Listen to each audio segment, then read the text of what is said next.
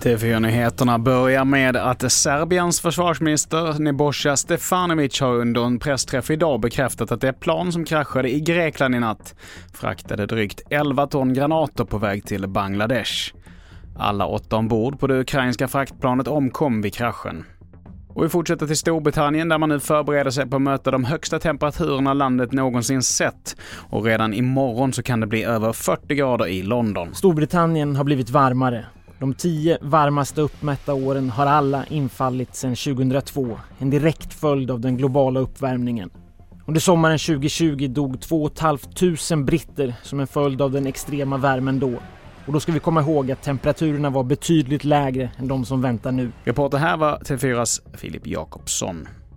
Och vidare till att tusentals svenskar har de senaste veckorna drabbats av inställda och försenade flyg. Och nu råder Konsumentverket resenärerna att boka resor direkt hos flygbolagen och undvika resebyråer för att lättare kunna få hjälp. Ja, vi ser att det är vanligt att eh, flygbolag och resebyråer hänvisar till varandra och att konsumenterna ofta faller mellan stolarna. Och i inslaget så hörde vi Nora Tjocki, juridisk rådgivare på Konsumentverket. Vi fortsätter med att från den 1 augusti i år så förbjuds anonyma kontantkort till mobiler och operatörerna måste nu registrera sina användare och göra ID-kontroller. Reglerna är till för att underlätta polisens arbete med att bekämpa brottslighet och göra det svårare för de kriminella. Och till sist ikväll så spelar Sverige sin sista och avgörande gruppspelsmatch mot Portugal i EM.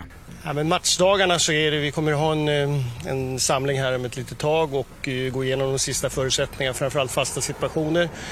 Ehm, och lite runt eh, ja, matchen som sådan och så vidare. Och sen är det ju eh, upp till var och en att förbereda sig på bästa sätt. Då. Och här hörde vi förbundskaptenen Peter Gerhardsson och sändningarna de följer du på TV4 och Simor med start klockan fem.